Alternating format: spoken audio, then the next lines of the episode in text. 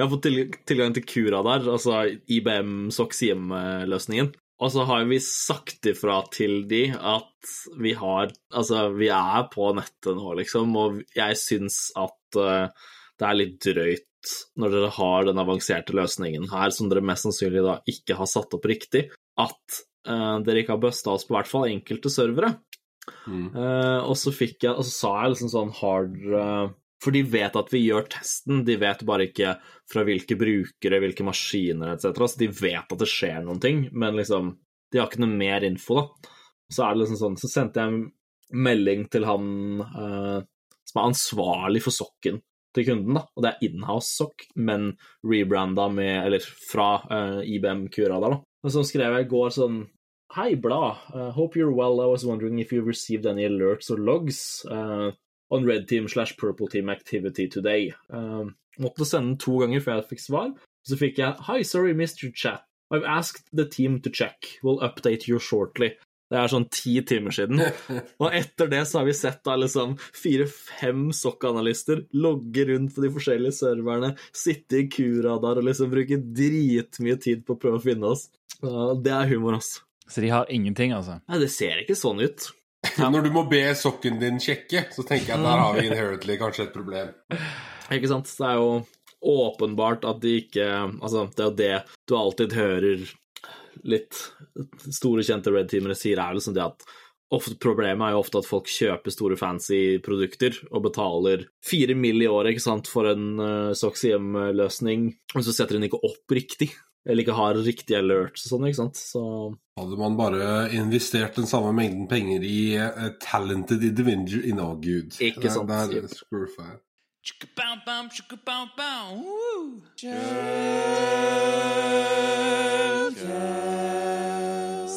Hei og velkommen til denne episoden av Shellcast. Eh, dette er episode 0x15, eller den 22. episoden, nullindeksert. Jeg heter Vetle, jeg jobber som pentester. Du finner meg på Twitter som attbordplate. Jeg heter Eirik, jobber som penetrasjonstester, og du finner meg på Twitter som 0xsv1. Jeg heter Alexander, og jeg jobber i den private sektoren som systemadministrator. Du kan finne meg på at er det en ting. Jeg heter Belvin, jobber som penetrasjonstester. Du finner meg under uh, handlet Flangvik på Twitter. All right. right, right. Jeg tenkte vi skulle kicke i gang med, med et nytt lytterspørsmål. Uh, vi fikk et spørsmål fra en lytter som, uh, som nå jobber som sysadmin, uh, og, og, som sier han er lei av å installere Windows på ny og på ny, og, og lurer på hvordan, da, hvordan da man bytter da fra, fra, jobb som sysadmin til å gå over til pentester. Så vi alle her, eller i hvert fall meg og Eirik og Melvin, er jo ganske ny i pentester pentesting og har akkurat gjort nesten det samme. Mange av oss, i hvert fall Melvin, du er fra utvikler. Og Eirik er ikke sikker på hva du gjorde først. Jeg jobba i salg og Blueteam, eh, sysadmin, IT-support uh, i ja, gud herrens år. Før, uh, før det samme spranget. Ja, ikke sant? Hva Har du lyst til, til å starte og, og, svare litt? Du kan jo begynne med hvordan man gjorde det sjøl. Ja, sure, absolutt. Um, så altså, når vi fikk det lytterspørsmålet, så skrev også Melvin typ det samme på, på discorden vår. Det er jo uh, det klassiske som du vil se folk gang på gang anbefale, er det å, er det å ha, den, uh, ha, den, erfaringen du har fra før. Det er typ systemadministrator, nettverksadministrator, Blue Team, SOC, type SOC analyst og sånn, som, som, er en veldig fin start. Uh, også selvfølgelig gjerne uh, noe utviklerbakgrunn hvis du skal satse på utvikle offensive verktøy uh, og sånn, men for å kunne gjøre altså, eller, den mest tradisjonelle pentestingen, som fortsatt er liksom on-prem, Active Directory, innsidetester, nettverk, uh, altså sånn type domenetester, og selvfølgelig mer og mer ut i skyen nå, med spesielt Asher, GCP, AVS og sånn, eh, så må du, for å kunne gjøre ordentlig gode penetrasjonstester der, så må du rett og slett kunne hvordan det fungerer fra før. Eh, og det er fett å kunne kjøre diverse tools og gjøre masse kule offensive ting, men du merker umiddelbart stor forskjell på kompetansen til de pentesterne og red-teamerne som vet hvordan det faktisk funker sånn backend-messig, og hvordan systemadministratorer tenker, hvorfor ting er satt opp sånn som det er. Du kan finne uh, ja, relasjoner og korrelere findings mye bedre. Uh, ja, hvordan du skal ut, utnytte ting. Jeg kan se for meg at hvis det er flere sysadmins som sitter og hører på, så har de nok tenkt ganske ofte at liksom oi, shit, det her er dårlig, eller hvorfor er det satt opp sånn, hvorfor har denne servicekontoen domeneadmin her? Hvorfor er denne sharen åpen? Uh, hvorfor er det ingen som passer på dette og dette og dette? Og det kommer jo ofte ned til liksom at, det at ja, man har ikke tid, man har ikke kompetanse osv., og, så videre, og da finner du ofte ting du kan utnytte, uh, og det er jo veldig fint å kunne hvis du skal over til pentesting. Jeg tenker jo at det å ha tidligere erfaring som en systemadministrator er, jeg skal påstå å si, den beste tidligere erfaringen du kan ha hvis du skal gå over i det tradisjonelle yrket som du snakker om, som er penetrasjonstesting. Vi håndterer da typisk med nettverk fra innsiden, og type 90% av tida Active Directory. Og hvis du har jobba som systemadministrator, så har du erfaring med alt det her. ikke sant? Du, du vet hvordan du deployer en, en domene på nettverk, hvordan du binder maskinene sammen, konfigurasjonene, servicekontor, shares, alt det der. Eh, jeg tenker, ja, jeg, jeg tenker egentlig at det er, eh, om ikke det beste, i hvert fall liksom, topp tre beste utgangspunktet du kan ha. Uh, bare det å vite hvordan uh, quote on quote late sysadmins tenker, uh, er, er liksom en gratis vei. Nå høres det ut som vi skitter veldig på sysadmins her. Vi, det er jo, er jo, ikke det, det er bare det at når vi, når vi hacker et Active Directory-miljø, så er det ikke, så er det ikke O-days det går på, typisk, det er miskonfigurasjon, ikke sant? Og det er, er late folk i alle yrker. Det er late pentester òg som, uh, som, gjør minimum effort. Ja. Kommer mer tilbake til det som jeg nevnte, føler jeg. I hvert fall fra egen erfaring hos en, uh, hos en MSP, så er det jo det at liksom du ser alt skal bare settes opp så det funker, og du må ha legacy support for altså 18 pil og bue-systemer som en eller annen rar terminalserver for en kunde som håndterer fakturaer, det med å kunne snakke med AD, men kun over SMB versjon 1, og så har du en eller annen rar eh, applikasjon de har lagd inhouse som krasjer hvis den kjører HTTPS eh, fordi det blir for mye for den. Altså liksom, det er så mye sånn der just make it work-scenarioer, ikke sant, eh, og der finner du feil, da. Alltid. Og så skal det viktig å si at det er ikke nødvendigvis eh, Det var et godt poeng du begynte å gå inn på, Alexander. At er, historien her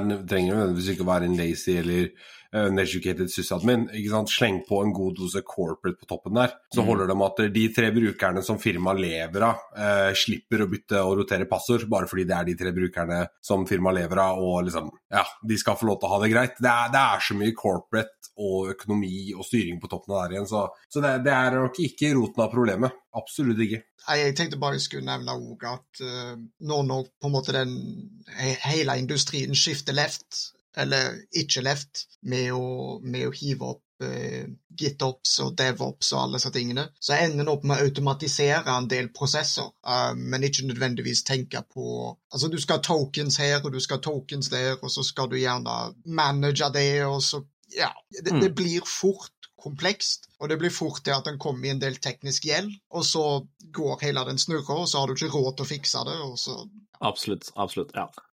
Et konkret eksempel der med DevOps og sånn, så så vi Eller vi fikk er ikke domeneadmin, for det var ikke et AD-domene, eller i hvert fall ikke på de tingene, men vi fikk uh, root i hele liksom uh, SMSC, som er det virtuelle, uh, virtuelle systemet hos en telekom som håndterer alle uh, SMS-er eh, fram og tilbake gjennom liksom, ruterne og switchene deres. Eh, og de hadde da begynt med DevOps og automatisering og kjørte Ansible deployment ut på alle, alle altså, nettverks- eller OT-tingene sine. Og på da flere av de så fant vi da selvfølgelig uh, Ansible deployment scripts, som ikke hadde krypterte passord i seg, og det var bare ja, kjøre det, så hadde du root på hele interne uh, OT-nettet deres. Så det, det, var jo sånne ting de ikke visste om, ikke sant? og det ser man overalt, spesielt da med Ansible og type sånn DevOps deployment-saker. Jeg ønsker å pivote over til uh, egentlig roten av spørsmålet, da. hvordan gjør du transition fra dette yrket? Så jeg, har establisha at du har et veldig godt utgangspunkt som systemadministrator i, til å breake inn i offensiv informasjonssikkerhet. Jeg ville begynt med altså, det, det, Alle skal være klar over at det markedet i Norge på da i, på da, i, i dag, etter kompetente penetrasjonstestere, applikasjonstestere, sikkerhetstestere og hele stacken, er bare Det er så tørt. Det er så vanskelig som en arbeidsgiver i dag å få tak i kompetente folk som virkelig kan og har lyst og, og har eh, engasjementet som, eh, som Absolutt. Så, så det jeg ville gjort, jeg ville, jeg ville eh, umiddelbart begynt uh, å prøve å registrere meg på en nettside som heter Hackthebox. Hackthebox, uh, jeg vet ikke om jeg, jeg har snakket, vært innom toppingen før, men Hackthebox er en, er en virtuell lab, en, et forum der du kan gå inn og prøve deg, og prøve å hacke maskiner. Uh, og det, nå har de også en sånn egen modulside som lærer deg opp i mye av de grunnleggende teknikkene vi bruker når vi hacker. Det var min hovedinngang eh, en, til en karriere innenfor penetrasjonstesting, så jeg anbefaler den til absolutt alle. Har du den? Jeg, jeg, fikk jobb personlig bare fordi bare pga. Box. Jeg hadde ingen sertifiseringer når jeg fikk jobb som moderasjonstester. Det var kun pga. Hackthebox. Eh, men hvis du i tillegg klarer å ta en eller annen introduksjonssertifisering, eller til og med kanskje OSCP, OSCP fra Offensive Security, som er liksom quote on quote normen for penetrasjonstestere for, for, å liksom, for, å bevise at du, at du kan det du gjør, så får du jobb i Norge. Enkelt og greit. Har du OCP generelt, jeg tror Vetle du kan sikkert spytte inn på det her, eh, så får du jobb i Norge. Ja, nei, jeg, for å uh, ta ordet litt uh, jeg, jeg, gikk jo fra sjøl ifra å ha drevet med noe sysadmin, og så har jeg vært på helpdesk. Og så tok jeg OSCP, og så, og så fikk jeg jobb da rett etter det. Det var nok OSCP-en som, som hjalp i all hovedsak. Men det er òg nyttig for så vidt å å finne noen miljøer å, å kunne snakke i. Eh, og, og altså, hvis, hvis, du, hvis, du, har folk rundt deg, hvis du har meetups i byen du bor i f.eks. For, eksempel, for sikkerhet, så vil jeg anbefale det sterkt å, å møte opp der og snakke med folk som jobber i bransjen folk som er interessert i det samme. Ikke nødvendigvis fordi at du er superinteressert i å få jobb og du skal bruke det for å få deg jobb, men fordi at eh, hvis du er interessert, så, så, er det, så, er det, bra å snakke med andre folk som er interessert, og som, som allerede gjør det. Og, eh, og, om ikke de gir deg jobb, så har de òg kontakter, gjerne, eller et eller annet sånt. Så det å snakke med folk som, som allerede er der, og, og som Ja, nei. Det mm. sjekk, ja. sjekk, ut hva som er i byen din, liksom. Men nå vet jeg det er litt vanskelig. I Oslo så har vi jo miljøer for det. Eh, Oslo Sekk, blant annet, der man eh, Nå er jo alt Alt er jo koronasekk, selvfølgelig, men eh, det, det, men det er jo det som er litt kjipt òg. Det, liksom det virker ikke som det er så mye sikkerhetsmiljøer rundt omkring i hele Norge. Så, så, man sitter liksom litt alene, og så må man prøve å finne ut litt sjøl eh, hva man skal gjøre for noe. da. Mm. Ja, og Jeg tenkte jeg skulle nevne litt det i forhold til dette miljøet og sånn. At uh, siden Altså, sertifiseringer og sånn veier, virker det for meg som veier ganske bra for folk. Uh, men det jeg òg tenkte på, er at det å være en del av sånne miljøer gjør jo at du gjerne hører the lay of the land, på en måte. Så du hører gjerne om jobber, eller kanskje du får noen tips, eller på en måte du får vite hva statusen er. Sånn at du på en måte vet hvor du skal lete, eller vet mer hva du trenger. Um, så det kan være Absolutt. en god ting sånn sett òg. Og bli anbefalt, hvis noen syns det du gjør er kult. For eksempel. Absolutt.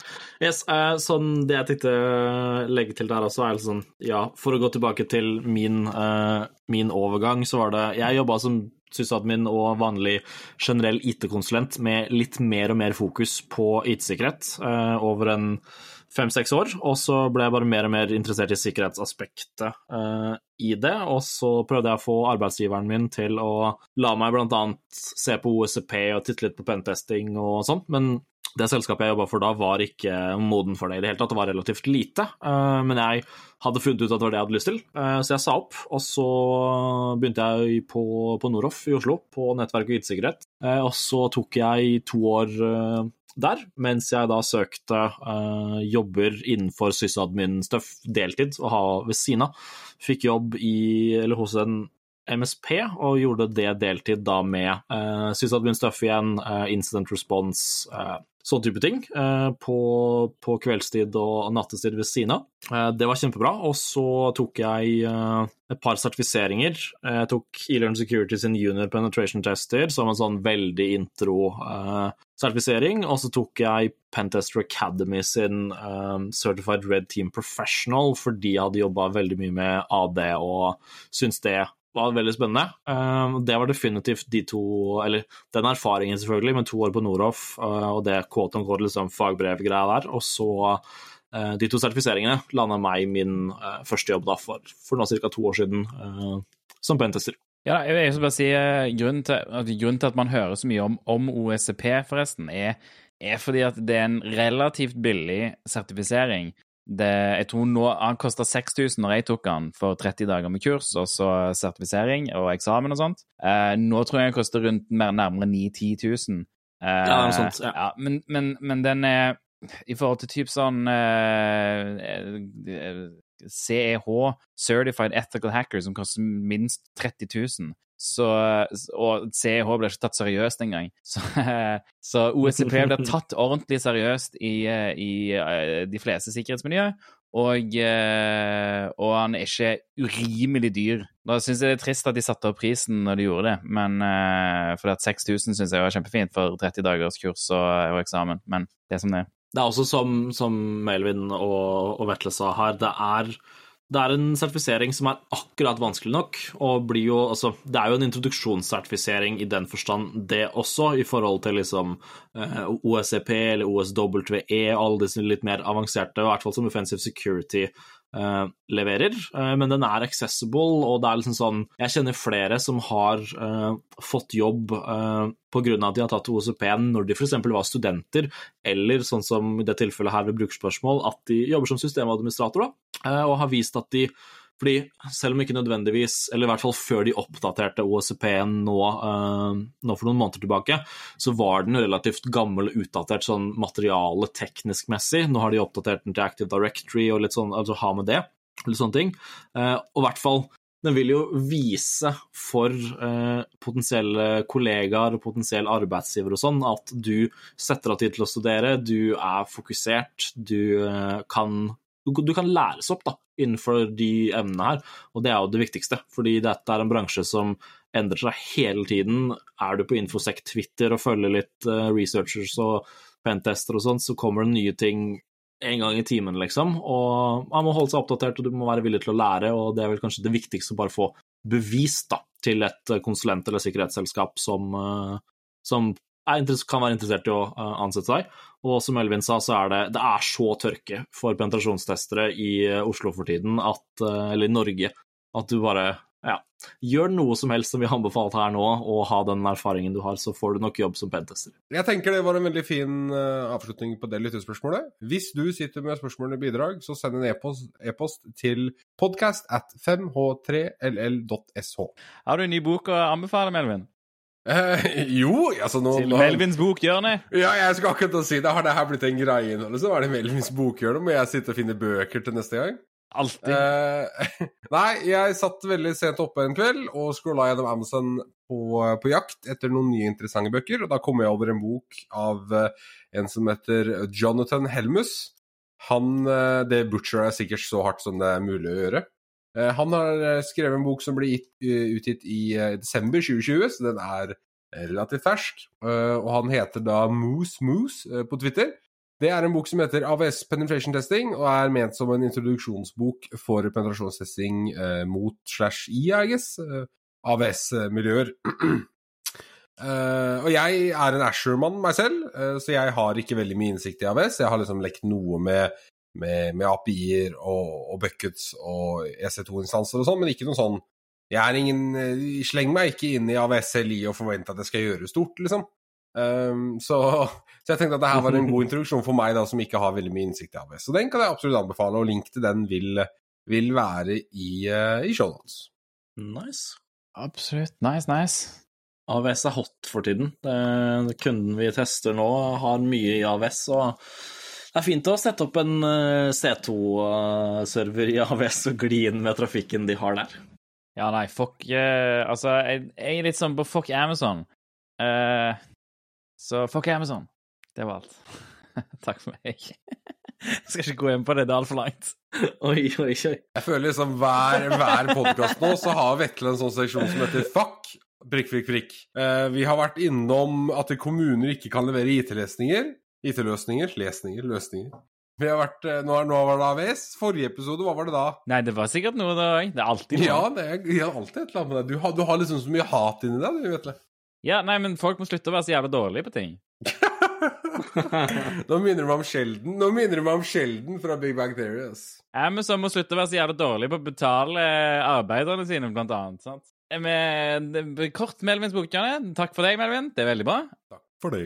Skal vi gå videre til war-storyen din, Eirik? Ja, kan vi godt gjøre. Um, yes, jeg har uh, Eller jeg og Tobias, som har vært med på podkasten her nå mange ganger, har en uh, litt uh, lengre Eller endelig, kan man si, for jeg tipper det er mange som holder på med pentesting og purple teaming og quote on quote red teaming i Norge, som vet hvor sjeldent det er med litt lengre tester. og nå har vi en måneds test for en kunde som har lyst til å teste internnettverket sitt og, og sokken de akkurat har, har, satt opp. Og mye morsomme, mye morsomme hendelser og observasjoner og, og, og ting. Og vi, jeg kan jo bare ta liksom sånn kjapt en av de artigste killchainene som, som vi har funnet. Altså killchain, typ veien fra en vanlig domenebruker til domeneadmin og tilgang til litt sånn sensitive ting vi har fått beskjed om å prøve å finne.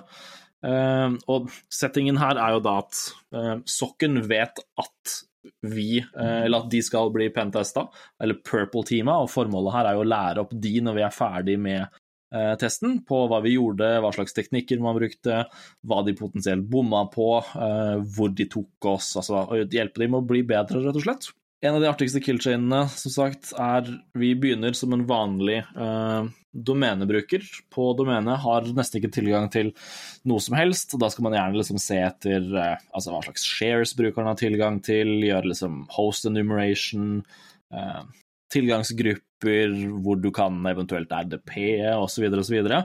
Eh, veldig basic ting er jo bare kjøre kjøre noe C-sharp eller PowerShell-tooling for å finne hva slags eh, shares da, som er mappa opp for brukeren, hva den har tilgang til. Gjør det, og begynner å søke etter sånn klassiske stringer som liksom uh, .bak, .ppk, altså for å finne backup og, uh, og liksom uh, putty-filer og keychain-filer og alt mulig sånne ting. Uh, får også selvfølgelig stringer sånn som password eller pass eller passord. Uh, ja det er det. finner eh, Får plutselig masse hits tilbake igjen på eh, en filsti som heter noe sånn derre eh, H-public, eller sånn F-public shares department. Eh, eh, det var et office i et annet land da, som vi ikke hadde sett så mye på, eh, som hadde, som hadde plutselig en, en mappe som het interne rapporter.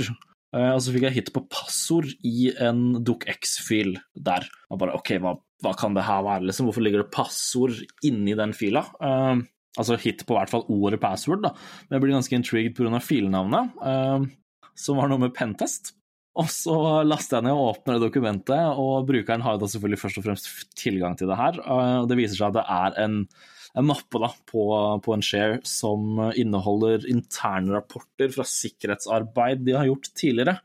Der finner jeg en Pentest-rapport fra 2017 fra et annet selskap, som da hadde pentesta kunden vår.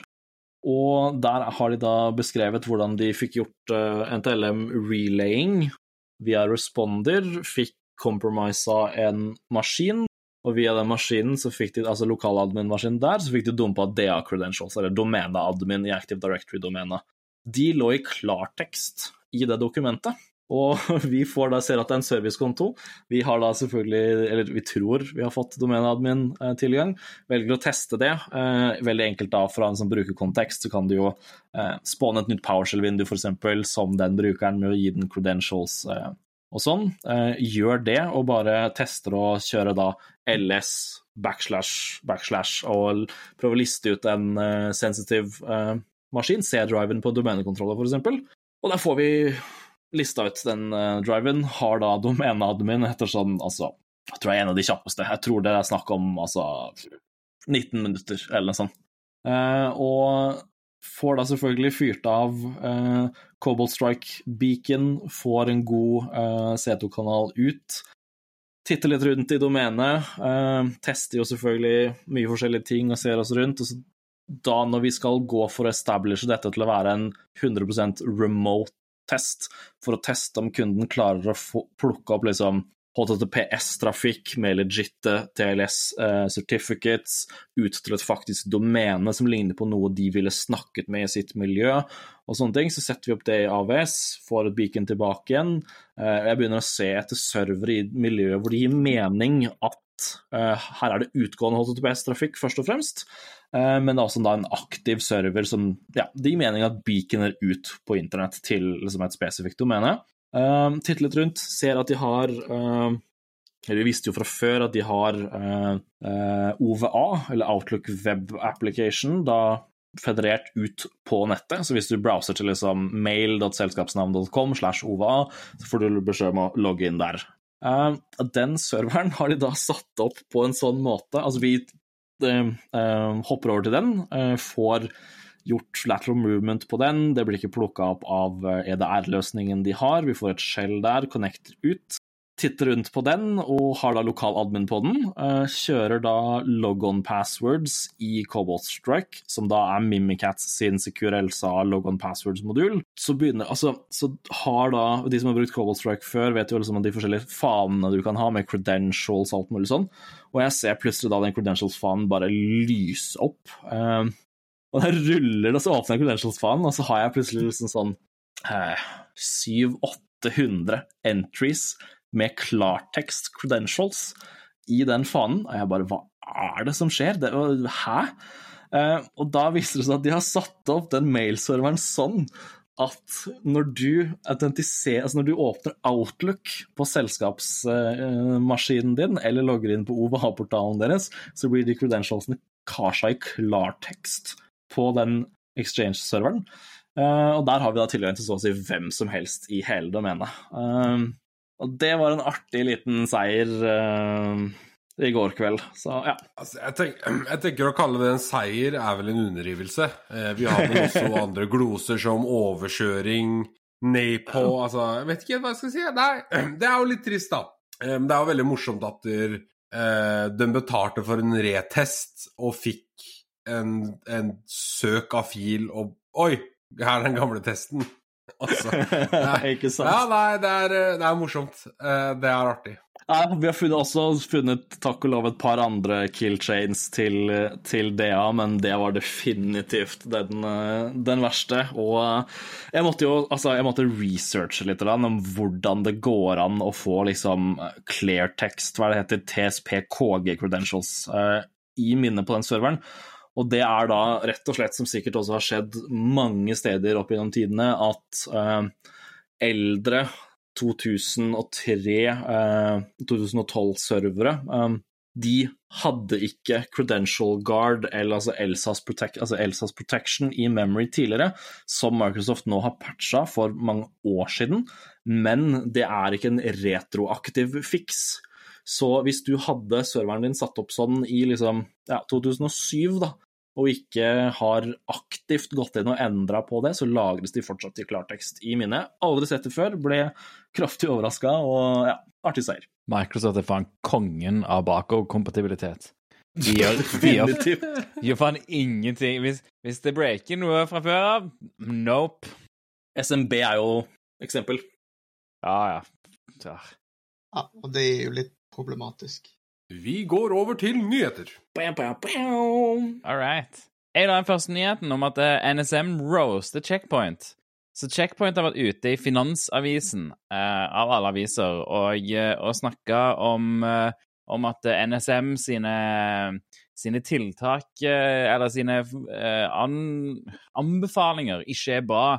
At det ikke er nok at uh, Nå har jeg faktisk ikke lest Jeg har bare lest kronikken her uh, som heter, fra NSM som heter svar til checkpoint. Men uh, jeg, jeg, følte NSM fortalte godt nok at dette var ikke noe som var verdt å lese. Men NSM, NSM går ut og, og sier til sier til Nils Ove Gamlem i Checkpoint Norge at uh, han tar helt feil om uh, hvordan NSM sine råd uh, til, om IKT-sikkerhet skal funke. og og visstnok så har Checkpoint i Finansavisen sagt at NSM har bare fire dumme råd, så ikke hør på de. og de har sikkert pitcha sitt eget produkt i, i, i dette her. Men jeg, jeg, grunnen til at jeg har lagt det inn, er basically fordi at jeg syns det er jævlig interessant at NSM har eh, sett seg så lei av, eh, av hvordan, hvordan, de har snakka om NSM sine råd, at de har skrevet en motkronikk til checkpoint. Du vet du har fucka opp når NSM kommer og sier uh, yo, dette likte vi ikke, uh, her er det som er ekte. Ja. Um, jeg er helt enig, og jeg syns det er superlættis, om man kan få bruke det ordet, Ja. at uh, Altså, du får faktisk Altså, Nils Ove Gamlem, du får faktisk Bente Hoff, avdelingsdirektør i Nasjonal cybersikkerhetssenter, til å liksom disse deg på nsm.no. og det er valg Altså, her har du valg av unge ord, men jeg må nesten si meg enig. Jeg har lest Jeg skal ikke si noe stygt om noen, men jeg syns at det er rare påstander, og NSM som gjør en så viktig jobb for en veldig tradisjonell bransje i Norge, spesielt da innen liksom det kommunale og statlige, som vi snakket om for et par episoder siden, eller en episode siden, som henger så bak det private, og de trenger all den hjelpen de kan få. Og bare det å liksom sette på 2FA og kjøre en litt sånn Red Forest-plattform i AD-en sin, det gjør så mye, så det er ikke dumme, det er ikke dumme anbefalinger, altså. Og det er der de aller fleste er i dag. Det er realiteten. Ref. Stortinget, for eksempel. Ikke sant? Jo, der, der er det jo på en måte en ting. Altså, vi snakket jo nettopp om det at uh, altså Pentest-miljøet tørt og alle disse tingene. Uh, nå har ikke jeg lest saken, men for meg så høres det ut som om dette er en sånn, sånn kjipt slavespark for å generere litt uh, noise on checkpoint. Så at bare si noe for å ha noe å si, sånn at vi er relevante, på en måte. Og det det, det syns jeg er så counterintu... Eller counteraktivt til det som NSM gjør. Uh, fordi de prøver liksom å lage standarder og få ting til å funke, som dere sier, hjelpe forskjellige sektorer. Og da syns jeg det bare er teit å kaste slavespark etter dem for å få publisitet. Helt enig, og uh, hvis du Altså For å paraphrase her, da, rett og slett, så skal jeg lese opp uh, det han har sagt fra Finansavisen.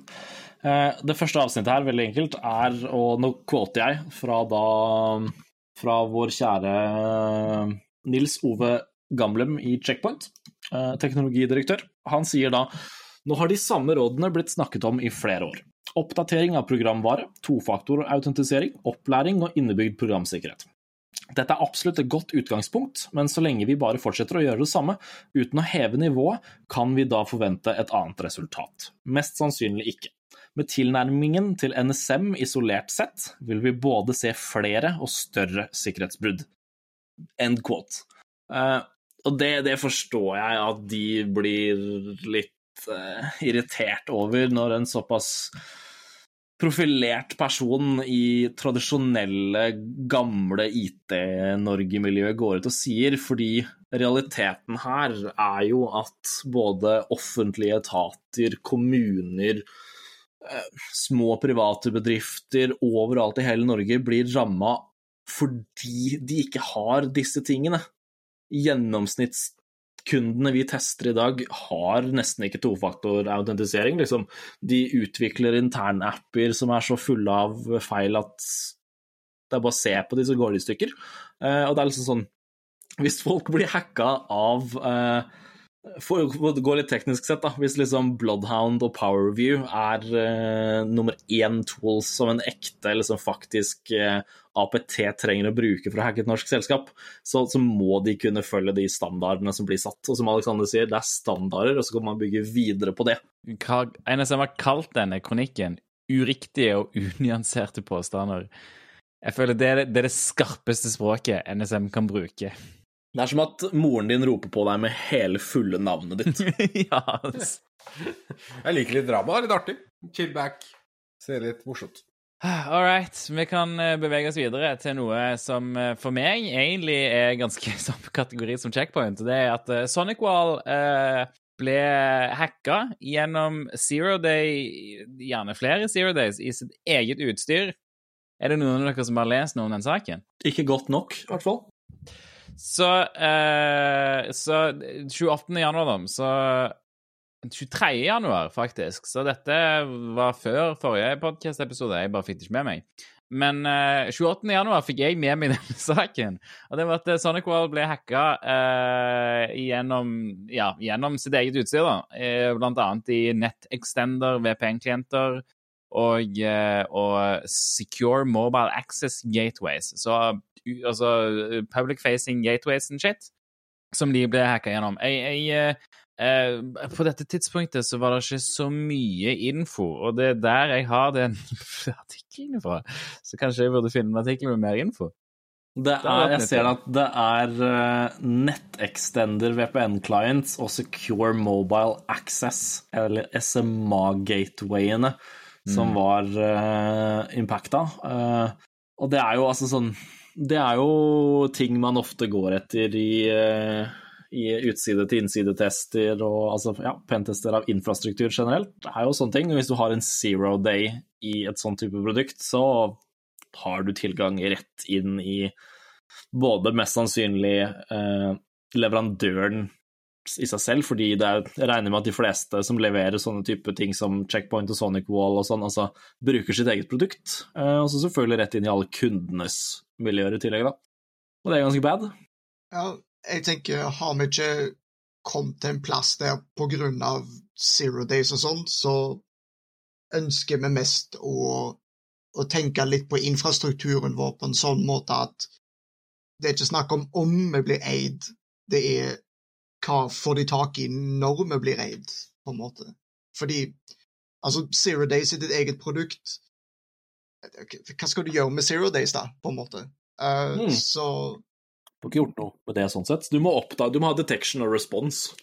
Uh, og ironisk nok, da, for å slappe tilbake igjen på Nils uh, fra Checkpoint, så skriver jo da Sonic Wall at uh, en av fiksene de anbefaler til de liksom fikk patcha det og sånn, eller til kunder får patcha det, er jo å skru på tofaktor, da. Ja. Selvfølgelig. Nei, så Sonic Wall har har gitt ut uh, oppdatering til De har gitt ut oppdatering til SMA, blant annet, i dag, faktisk. Det er jo veldig bra, så oppdater hvis du bruker, eller hvis dere bruker Sonic Wall.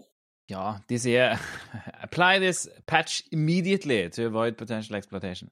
Men det er ikke noe offentlig exploit for dette, så vidt jeg er meg bekjent. Så, eh, så det, det, det, er ikke, det, er ikke, en offentlig zero day ennå. Det er ikke så mye grunn til panikk selv om det er litt grunn til panikk. Uh, men, men jeg vil jo si det er grunn til panikk hvis det er snakk om Russland eller Kina som sitter og sprayer hele IP4 for det her, liksom. Da har de jo tilgang rett inn i alle av Sonic Walls kunder, liksom, til det blir patcha. Og som vi var inne på litt i stad med hvordan pivot over i pentest og sånn, hvis man har jobba jobba sysadmin og administrator, sånn sett, så er jo alle klar over liksom vanlige liksom patch schedules, som er 30 dager, 60 dager, 90 dager og sånne ting. ikke sant? Plutselig så blir ikke det her patcha hos ganske store selskaper da, på sånn 90 dager, og så Da er du ganske ferdig med interntesten, holdt jeg på å si, hvis du har uh, tilgang der så lenge. Så ser du igjen bare på en måte verdien av å ha ja, freakings tofaktor på sakene dine. Absolutt. Shit, ass, det er viktig. Jeg tenker jo at deteksjon av Odays er jo eh, Må gjøres på mer generiske måter, ikke sant. Én ting er at en Oday har blitt utnyttet, men eh, vi må fortsatt kunne detektere at aktøren beveger seg innover. Eh, etablerer beacons, nettverktrafikk ut, henter creds, beveger seg lateral på nettverket. Altså kanskje ikke Eh, så klart man, må, man skal ha gode patcherutiner, man skal patche så fort som, som, det er mulig. Og eh, hvis ikke mulig, så skal man eh, på en eller annen måte Hva er ordet jeg leter etter her? Mitigate er vel ordet jeg leter etter. Eh, den, den, risikoen på et eller annet vis. Men, men hvis man har gode, en, en, god sokk, da, eller har leid inn en god sokk, eller har gode personer som sitter og overvåker, så, så, har det egentlig nesten ikke noe å si om det er en bruker som trykker på en fiskelenke, eller om det er en no Nei, ikke sant. Det må være Altså, de beste detections sånn sett er jo uh, på Altså, de, de, burde være så absolutt generelle som mulig og dekke så mange ting som mulig, men flagge liksom på det at å ja, ok, uh, vi ser at Bjarne Jensen logga inn fra Russland. Uh, Bjarne jobber i Stavanger. Han har aldri forlatt Norge, liksom, og i hvert fall ikke nå under korona. Det er sånne der ting som det burde flagge med en gang. Hvis Bjarne faktisk har en suksessfull login fra Russland, og man vet at uh, han ikke vet opp og ned på Lenovo-laptopen sin, så kan han i hvert fall ikke klare å bruke Tor eller en VPN ikke sant, for å logge inn derfra.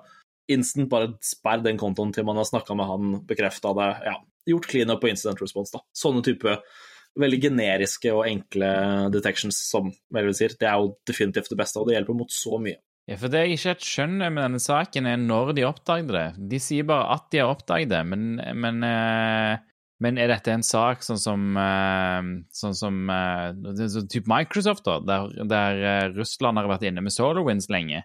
For jeg, jeg, ser liksom ikke noe info om det. Alt jeg ser, er at, det, er at Sonic Wall ute sier yo, uh, vi har sett en breach, så vi jobber med det. men uh, de Ja, nei. Jeg, nei, det er alt jeg har sett også, men det var jo litt sånn med Jeg ser at de oppdaterte den posten sin i dag, da, men det er vel bare om patchinga? Ja, ja. Det, er, ja det er bare patchingen. Det er òg en mitigation, for så vidt, for de som, for de som ikke får lov til å oppdatere ting, så, så er det mitigation. Men man må oppdatere. Mitigation er bare delay, delaying the inevitable. Det er en uh, nødløsning fram til oppdatering kommer. Jeg husker ikke hvem det var. Var det Citrix eh, sent i fjor som Det gikk vel typ nesten to uker før det kom en offisiell patch. Mm. En, vi, hadde, vi, fikk en mitigation å følge, liksom, men eh, vi hadde ingen oppdatering. Nei, noen kommer til å reverse denne oppdateringen med en gang og, og fort skaffe seg, uh, skaffe seg, en exploit for det. Om det ikke blir public, så er det definitivt folk som er, er motivert nok til å gjøre det bare fordi de vil tjene penger, basically. Absolutt. Oppdater. Oppdater. Tofa, tofa. Tofa, tofa. Hør på NSM. Hvem skulle trodd? All right. Vi går over til neste sak. Eh, den har jeg titulert 'Gutta i blå helt grønn på IKT'. og det handler om at eh, Riksrevisjonen har gjort en eh, vel revisjon av eh, politiet. Som, eh, der de, der de har, har sjekka De har gjort en undersøkelse av politiets innsats mot kriminalitet ved bruk av IKT. Så de har, eh, de har, Ja, de har basically gjort en audit på å se hvor flink politiet er til å løse datakriminalitet. Og eh, de er ikke noe greit. Det, politiet suger, mildt sagt, på å løse datakriminalitet. Eller cyberkriminalitet, eller kyberkriminalitet, eller hva man vil kalle det. Så eh, jeg, har, eh, jeg, har, lest eh, konklusjonen nå til Eh, til, til, til, til, Riksrevisjonen. Og eh, noe av det jeg vil fremheve, blant annet, er at de sier at eh, dette syns jeg er interessant, faktisk. De sier at den tradisjonelle kriminaliteten som skjer i de fysiske rom, har vært i nedgang i over flere år. Men samtidig har det vært en vekst i IKT-kriminalitet som ikke fanges opp av straffesaksstatistikken. Fordi de suger på å gjøre noe med dette i det hele tatt. Så selvfølgelig blir det ikke en del av statistikken. Uh, så, så, det virker som om mye kriminalitet har beveget seg over på IKT. Uh, eh, IKT, sier jeg. Det gjør vondt. Det er kun staten som bruker IKT. Eh, jeg tenker jo at det, jeg tenker jo at det, det, er jo på en måte en naturlig overgang da, etter, etter, hvert som vi digitaliseres mer og mer.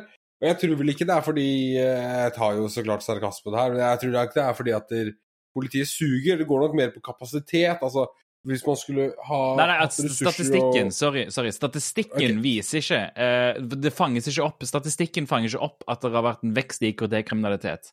Fordi man har ikke statistikk på noe man ikke klarer å gjøre noe med. Eller altså, hvis politiet ikke ser Der, ja. Sant? Riktig. For jeg har jo uh, for veldig mange år siden prøvd å rapportere uh, type sånn Hva skal jeg si, ja? bedrageri der hvor jeg var den uskyldige holdt jeg på å si, der hvor jeg ble frarøvet penger på, på nettet. Frarøvet, hvem faen bruker det ordet lenger? Melvin 2021. Noen rippa PayPalen min da jeg var sånn 17-18 år, og jeg ringte det, og jeg gjorde jo min jobb og doksa Osint og hele greiene. Og ringte det, ikke sant, og bare liksom Hei, hei, IP. Uh, da sånn, ja han, de, de, han, sa vel egentlig indirekte at så fort telefonen blir lagt på, så er den saken henlagt. Ja, men det er altså På en måte så er det ikke noe oi. Hvis politiet skulle brukt ressurser på å følge opp hver eneste naskesak på internett fra sum mellom liksom 0 til 10 000 kroner, så hadde ikke politiet gjort noe annet. Og utfallet av dem er liksom Ja. Men, men det, det, går bak det vi snakka om i en, en, mye eldre episode, at der, eh, vi, kan, vi, kan, tulle med at man blir tatt for alvorlig cyberkriminalitet, men jeg mener i hvert fall at cyberkriminelle i dag eh, skal tøye strikken ganske langt for å faktisk bli tatt. Altså, Det er ikke vanskelig å være cyberkriminell da. La meg lese opp konklusjonene til, eh, til Riksrevisjonen. De, de, skriver Dette er ikke så langt. Politiets evne til å avdekke og oppklare IKT-kriminalitet har klare svakheter som samlet sett er alvorlige. Politiet mangler kompetanse innenfor etterforskning av IKT-kriminalitet. Tiltakene for å styrke politiets kapasitet eh, holder ikke tritt med utfordringene.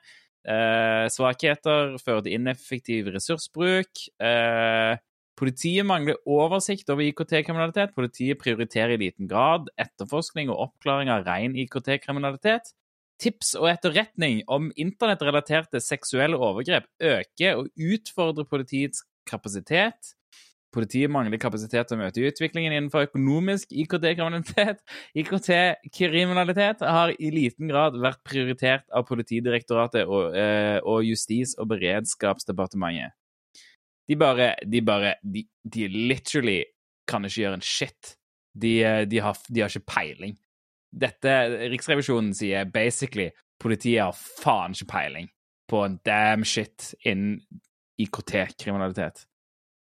Jeg syns jo det er veldig grovt å si, for det sitter sikkert noen stakkarer her, og ikke stakkarer, det sitter sikkert noen her og hører på som jobber med, med etterforskning av cybercrime i politiets IKT-tjeneste, liksom. Men, men, jeg tror vel eh, det Vetle prøver å si, er at uh, politiet er underbemanna, uh, har ikke ressurser til å tilegne seg kompetansen nødvendig. Uh, og klarer derfor ikke å følge opp mengden IKT-kriminalitet som kommer inn. Det var det Vette prøvde å si når han sa 'politiet suger'. Så in, in summary, politiet vet ikke en damn shit om IKT-realitet. og det skal jo altså legges til her, og når jeg leste den først, så syns jeg altså kanskje de var litt grove, men uh, det sier jo sitt, da, når Riksrevisjonen bruker de ordene de bruker, som et statlig organ, og uh, det er jo litt dessverre sånn at det er jo ikke overraskende, fordi det er snakk om politiet i Norge som har uh, forskjellige Altså alt driftes forskjellig fra uh, kommune til kommune, eller altså liksom fylke til fylke. Alle, det, er det er forskjellige systemer, det er forskjellig korrelasjon mellom hvordan de etterforsker ting. Det er vidt forskjellig kompetanse fra liksom den bitte lille kommunen oppe i et eller annet sted, og selvfølgelig Oslo uh, her.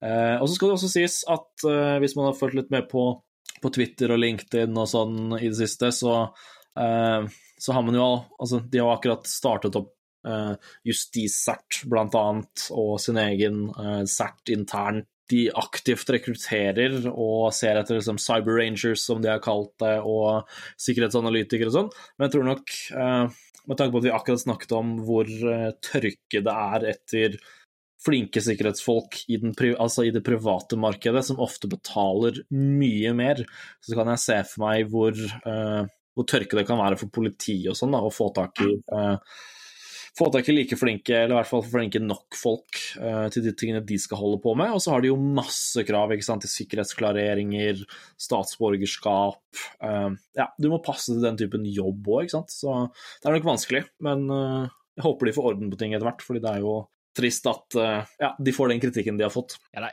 og jeg vil jo si, jeg vet, at det, det er mange individuelle mennesker som jobber i politiet, som er veldig flinke på mye av dette, men, uh, men det er jo mangel på ressurser og sånn, som du sier. Uh, men jeg anbefaler, jeg anbefaler, de som har lyst til å lese igjennom den rapporten fra Riksrevisjonen. Det er, er, til og med svar ifra, et vagt svar fra Monica Mæland, som er politiker. Hva er det hun er for noe nå igjen? Hun jobber i hvert fall i eh, Justis- og beredskapsdepartementet. Hun er justis- og beredskapsminister, står rett her. altså, Én ting er at kanskje politiet ikke har ressursene eh, de trenger til å tilegne seg mennesker med kompetansen eh, som de trenger. Men litt av problemstillingen der ligger vel kanskje i at man har noe som heter en tariff, eh, og en statistikk, og man skal følge den når man blir ansatt i offentlig sektor.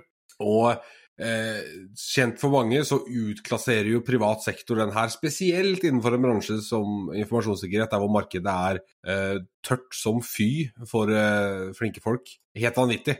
Så det er veldig vanskelig.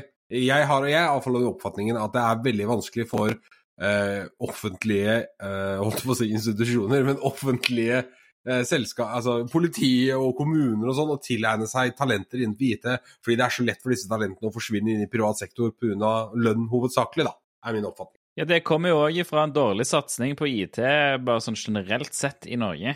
Det er Alt knyttes sammen her. og Det var ikke sånn at, altså, det har vært ganske tydelig ganske lenge at man burde satsa mye mer på, på datakriminalitet. Men uh, man har ikke hengt med. Det har vært fokus på totalt andre ting. Og som Monica Mæland sier, så, eh, så de driver og skylder på politireformen og samtidig prøver å si at politireformen har gjort det bedre, uten at det er noe statistikk for å vise det. Det, det er bare masse tull. Det, det, det er åpenbart at det, ikke gjøres uh, ordentlig. Så jeg synes at uh, og, og, jeg vet at det er mange gode individuelle avdelinger, og det er mange som er flinke, og det er ikke de det går på. Her går det på politiet som en helhet. Politiet som, som ledelse. Uh, de har bomma totalt, og jeg syns ikke det er godt nok. Det er tydelig, og Riksrevisjonen er flinke her til å fortelle hvorfor, hvorfor det ikke er godt nok, og, hva, og mye om hvordan man løser det òg. Så her er det bare for, eh, for ledelsene og politikerfolk å ta tak i det og fucking gjøre det. Bare gjør det, ikke kom med noen dumme unnskyldninger. Fiks det.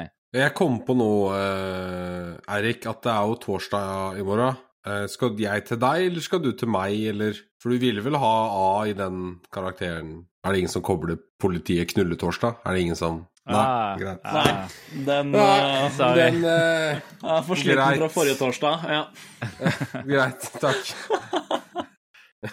uh, jeg bare tenkte å prøve å hive inn litt sånn sosial nyanse, holdt jeg på å si. Fordi det er jo dette med på en måte emergent property og, og vekst. Uh, I samfunnet generelt sett så, har, så, ser vi jo på en måte vekst uh, Altså, det er en Starbucks en plass fordi folk har lyst på Starbucks, sant? og det er politi en plass fordi det er kriminaliteter, og så finnes det mennesker lokalt som vil bekjempe kriminalitet, så de blir politifolk, og så har du på en måte et, et system.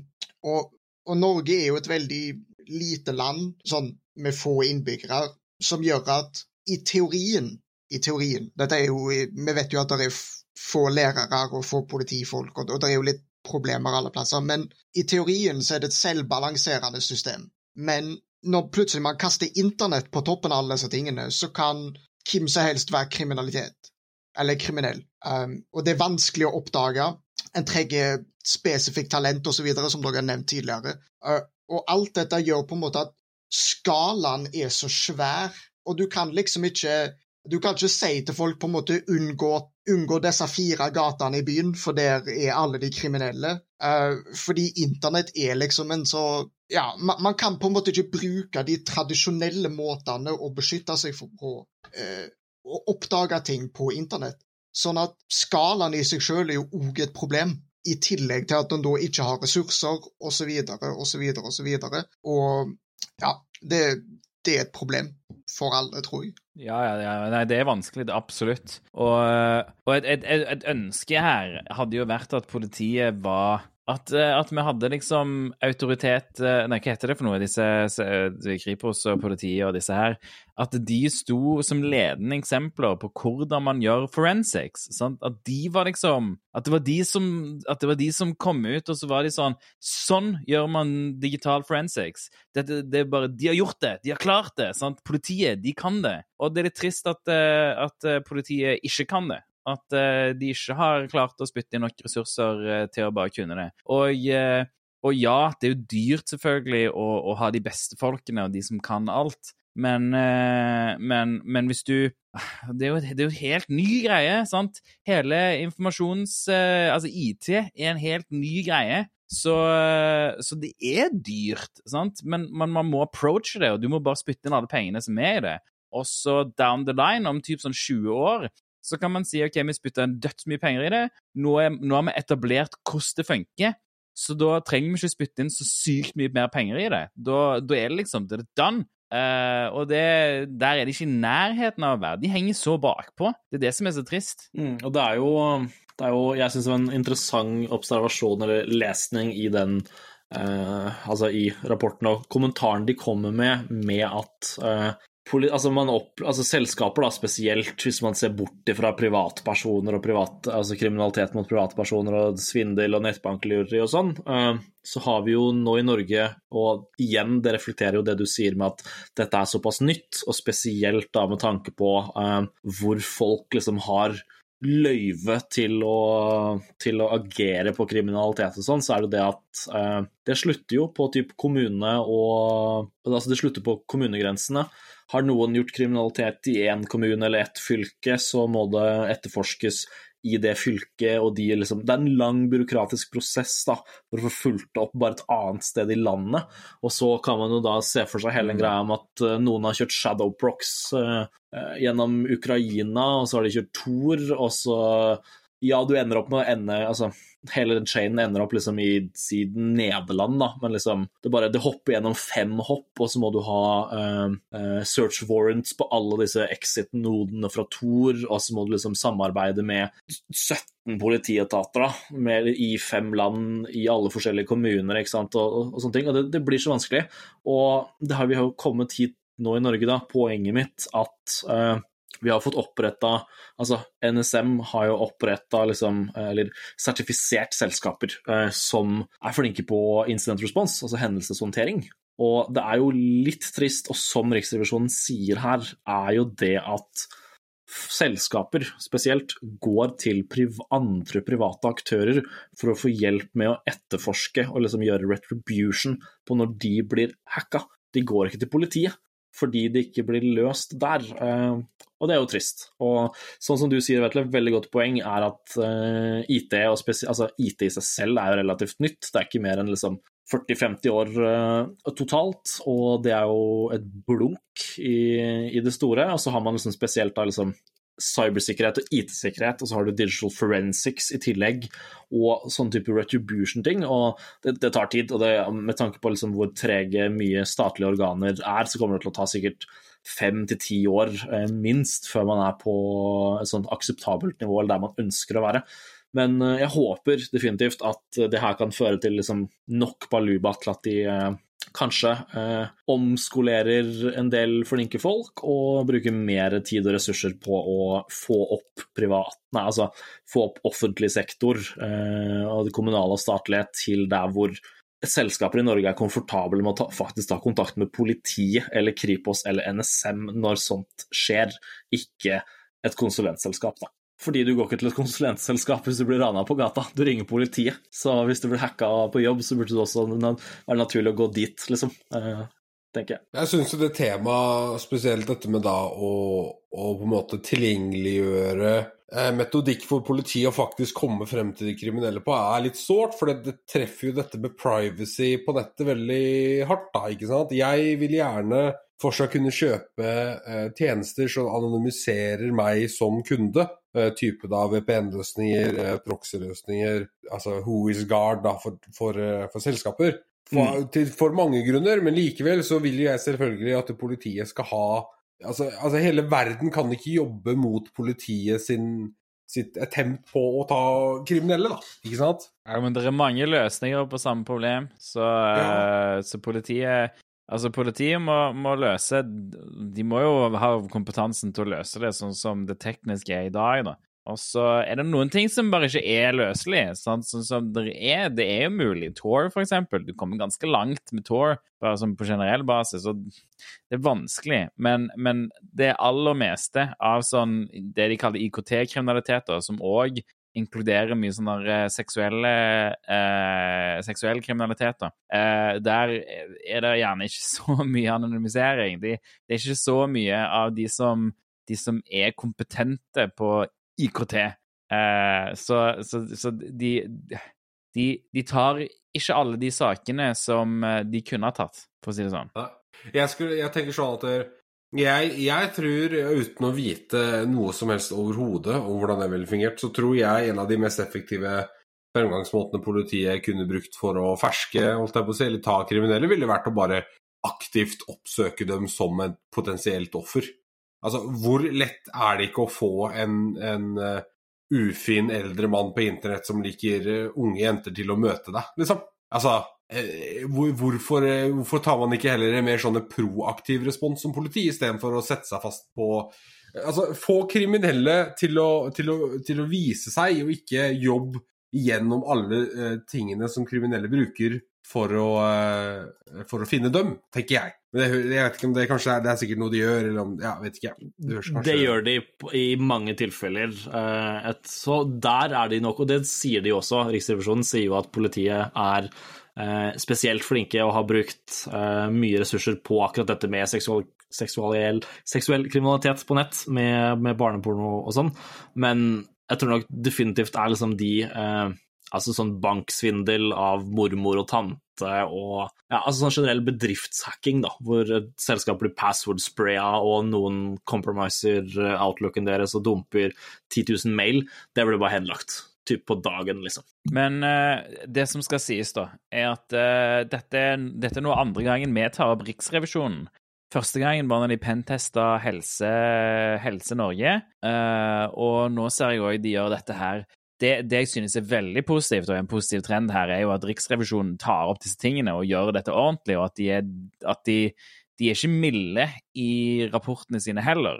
Så det virker som det er en større satsing nå på, på ordentlig dra oss inn i sikkerhet og, og, og gjøre det ordentlig da, med Riksrevisjonen.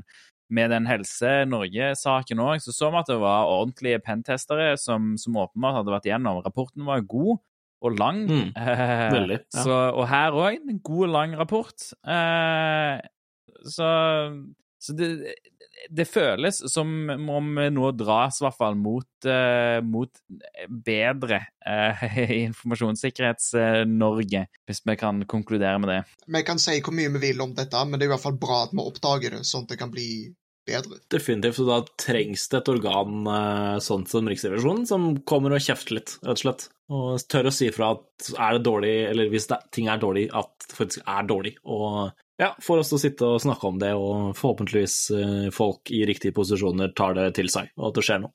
Men, men, dette, men, men jeg skjønner ikke hvor, hvor, Riksrevisjonen Dette sa jeg forrige gang. Jeg skjønner ikke hvor Riksrevisjonen kommer fra nå i, i, dette. Det virker som de bare plutselig bestemte seg for at, eh, at eh, dette var noe de skulle se på, og så de, har de kompetente folk òg. Jeg, jeg, forstår ikke helt nøyaktig hva som skjedde der. Var det noe politisk som skjedde, eller uh, Er det bare Altså Hvorfor Hvor starta det fra, liksom? Ingen anelse, men jeg kan jo se for meg at det må jo komme fra uh, både Altså noen hos Riksrevisjonen og sikkert uh, Stortinget og sånn. Altså, Riksrevisjonen er jo en, uh, en, underorganisasjon av Stortinget i seg selv. Eller Riksrevisjonen er per definisjon Stortingets revisjon- og kontrollorgan. Uh, så jeg kan jo se for meg at dette sikkert har starta etter at deres moderorgan, da, Stortinget, ble hacka. Og når Stortinget seg selv hadde såpass uh, fleksibel sikkerhet, at eh, de ikke hadde tofaktor på 365-en eh, eller OVA-en sin, så ja, det er jo sikkert noen som syns at det ikke var så kult. At det burde ses på i generelt. Ja, det er et godt poeng. Nei, men Da tror jeg vi avslutter denne episoden. Eh, hvis du har noe bidrag eller spørsmål, noen kule war stories eh, vi kan fortelle på vegne av deg, eh, send oss en e-post til podcast etter 5h3ll.sh, eller, eller Følg oss på eh, at 5h3llcast på Twitter. Altså Shellcast, eh, men Leatspeak i første delen av det. Fordi at det var for mye å ta Leadspeak i resten av det. 1337 og sånn, ikke sant? Ja, ja, ja. Takk for at du hørte oss eh, skravle. Vi lyttes igjen neste uke. Eido! Nå dumpa jeg passord fra den exchange-serveren igjen, bare for å se om det var noen nye credentials, og det var det. Nice. Digg. Noen som, opp, noen som har fått det med seg og oppdatert passordet, og så Det er så trist å se passordene til folk når du, når du cracker de. Fordi Ja. det er åpenbart at noen av de tenker sånn ah, 'Nå har jeg et smart passord!' Det er dødssmart. Mhm. Og så er det sånn 'Bolle 1, 2, 3, utropstegn'. Og la Nei. meg finne et her som jeg så som jeg, Ved første øyekast så var jeg sånn mm, Imponerende. Men hvis du ser på tastaturet ditt, passordet er stor Q, A, V, S, E, D, R, F. 1, 2, 3, utropstegn. Det er literally liksom QA, WS, ED, RF, utropstegn, 1, 2, 3. Det kan se litt komplekst ut, og er liksom bare så supersimpelt som det får blitt. Det, det minner meg litt om i skoledagene, eh, der jeg vet at det var noen som hadde 1 QA, 2 WS, 3 ED, Mm. opp til 0 P eller Ø, da, for oss. Eh, så ja. Ja, er det annenhver uh, hånd, det, skal du si, på tastaturet? ja du, går, du går tre nedover, sant? fra 1 til A, Ja, 2 til S, og så 0 til For det er sånne ting som, det er sånne ting som bare ligger i eh, masse passord-cracking-lister, som er dødsenkelt å cracke. Og, det, ligger, og det, det liksom, du kan ha variasjoner av det òg. Du kan ha liksom noen med skift, altså noen med caps og noen uten. og, og men, En passord-cracker tar det lett, liksom. Du kan òg ha tall innimellom eh, fortsatt. Det crackes lett. Jeg skal bare si nå at dere uh, Surprise til ingen, sikkert, men hvis du har åtte karakterer i passordet ditt uh, i, i en AD-setting, og vi dumper uh, domenekontroller og får NTDS, Ja, så altså Altså, vi kan brute-force alle mulige kombinasjoner av åtte karakterer på liksom under en time med en rigg. Eh, med, min, med, min tre, med mitt trenerkort ville det tatt to timer eller noe sånt, to timer og 45 minutter. Det er det samme. Alle, alle mulige kombinasjoner av karakterer med spesialtegn og tall og store og små bokstaver på åtte karakterer. Så det er Ja. Åtte er Nei, ikke bra nok lenger. Definitivt ikke. Og åtte ganger to, altså sommer 2020 utropstegn, sommer 2020 utropstegn, er heller ikke bra nok lenger, for de som lurte. Her har vi et passord som seriøst er A1, A1, A1, A1. Og det passordet matcher Altså, det er ikke, det er ikke compliant med selskapets uh, password policy, og det har ikke blitt bytta på kjempelenge, så det er en bruker som har uh, av en eller annen grunn fått en sysadmin til å sette password never expires på brukeren sin i AD, uh, og det bruker Jeg testa login med den brukeren da, på OVA, eh, og det funker liksom fortsatt. Det er jo helt, helt sjukt. Why? Det der hadde cracka på et sekund med en oppegående passordrigg, liksom. Nei, jeg tror vi ender podkasten her. Er det greit, eller? Det, Det det er vi. kjempebra. Tipp topp. Nei, jeg skal legge meg straks sjæl, ass. Det Opp og, opp og hacke mer i morgen.